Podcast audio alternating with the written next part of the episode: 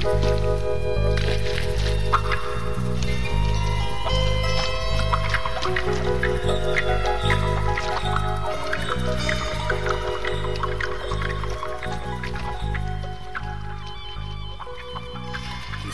drypp ved Terje Ellefsen.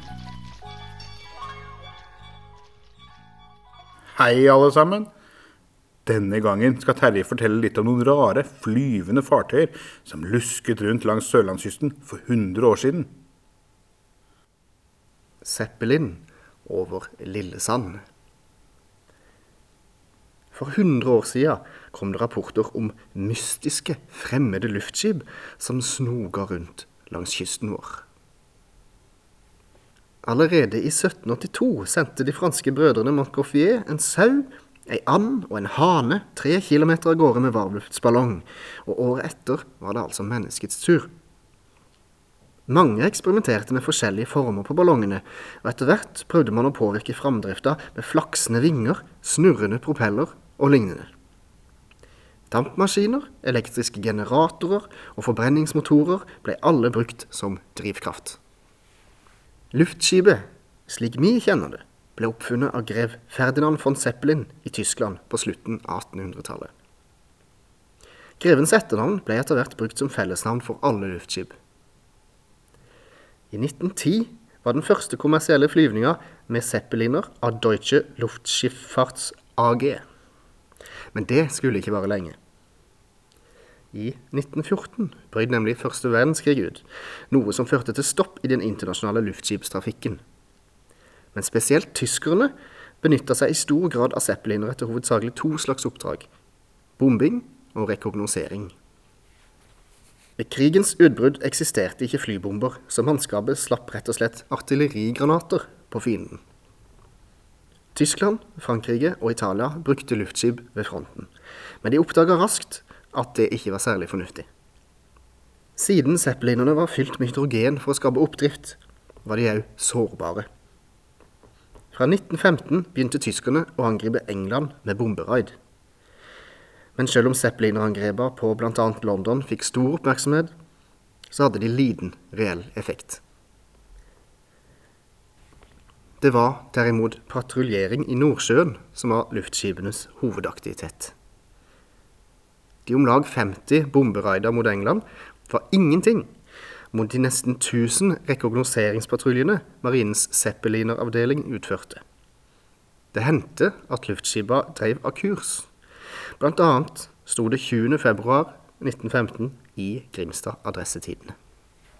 Zeppeliner havareret i Danmark.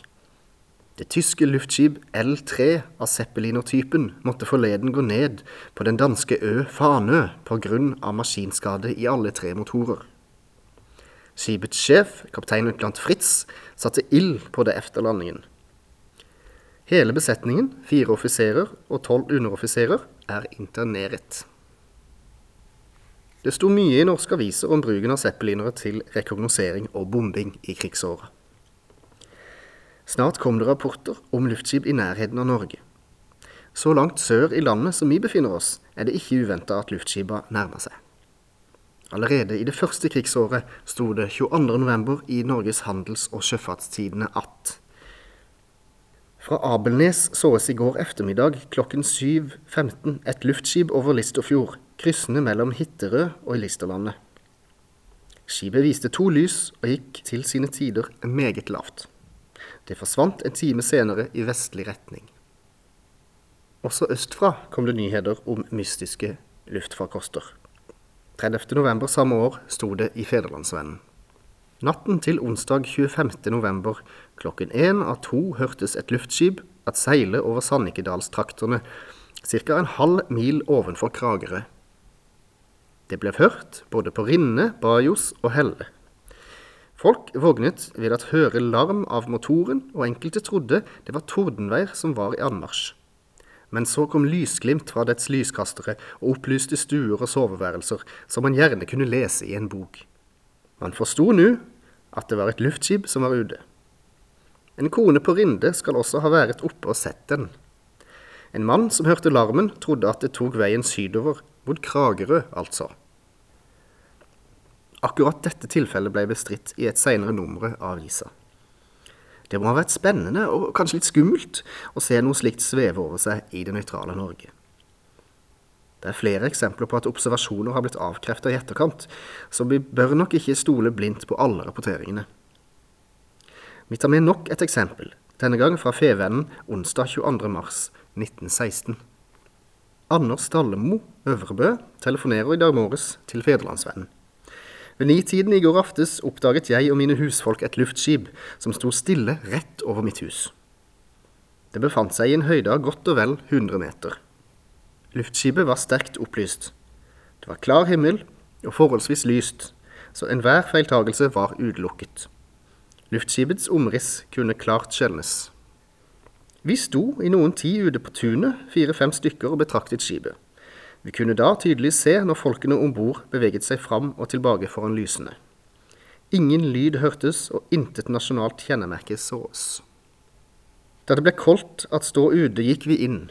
Vi satte oss ved vinduene og betraktet skipet, som fremdeles holdt dørgende stille. Slik ble det stående over gården en time. Det forsvant først klokken ti. Det gikk da i vestlig retning bortover mot Finnsland. Også våre trakter ble besøkt av patruljerende luftskip. Som kilde her er brukt avisa Lillesands Tidende. Den starta opp tirsdag 13. august 1918 som en etterfølger av Lillesands Tilskuer. Den beskriver seg nemlig på første side som Lillesand Tilskuers 33. årgang. Kristian Sangesland var redaktør, forretningsfører var H.J. Danell, og den ble trykt i eget trykkeri av Johannes P. Krogh. Undersøkelser av Lillesandsposten og Lillesands tilskuer vil nok føre til atskillig flere luftskipobservasjoner tidligere under krigen. Dette er mer for historiske spadestikk å regne. Allerede i første nummer rapporteres det om luftskip. Lillesands Tidende kunne tirsdag 13. august 1918 melde at en stor zeppeliner passerte søndag formiddag Lillesand på lang avstand. Den kom vestenfra og gikk østover, til tvers av Grimstad, vendte så om og forsvant i sydvestlig retning. Med en alminnelig kikkert kunne man se gondolerne. Neste observasjon sto på trykk tirsdag 27. august 1918, da det var en svært nysgjerrig zeppeliner som besøkte vår lille by. I går aftes mellom klokken ti og elleve hadde spaserende en liten opplevelse. Et luftskip kom over byen fra nordøst, flittig brukende sine prosjektører. Noen dur av propellen hørtes ikke, kun søkelys observertes. Luftskipet stoppet opp på den sydvestlige horisont, hvorfra det i lengre tid sendte sine søkelys rundt omkring. Etter dette er det slutt på Zeppelin-observasjonene her i området. Som kjent var krigen over i november 1918. Snart ble luftskip igjen en fredelig syssel, med transatlantisk trafikk helt fram til 1930-tallet og da det kjente luftskipet Hindenburg tok fyr 6. mai 1937 i New Jersey, fikk luftskiptrafikken seg en solid knekk.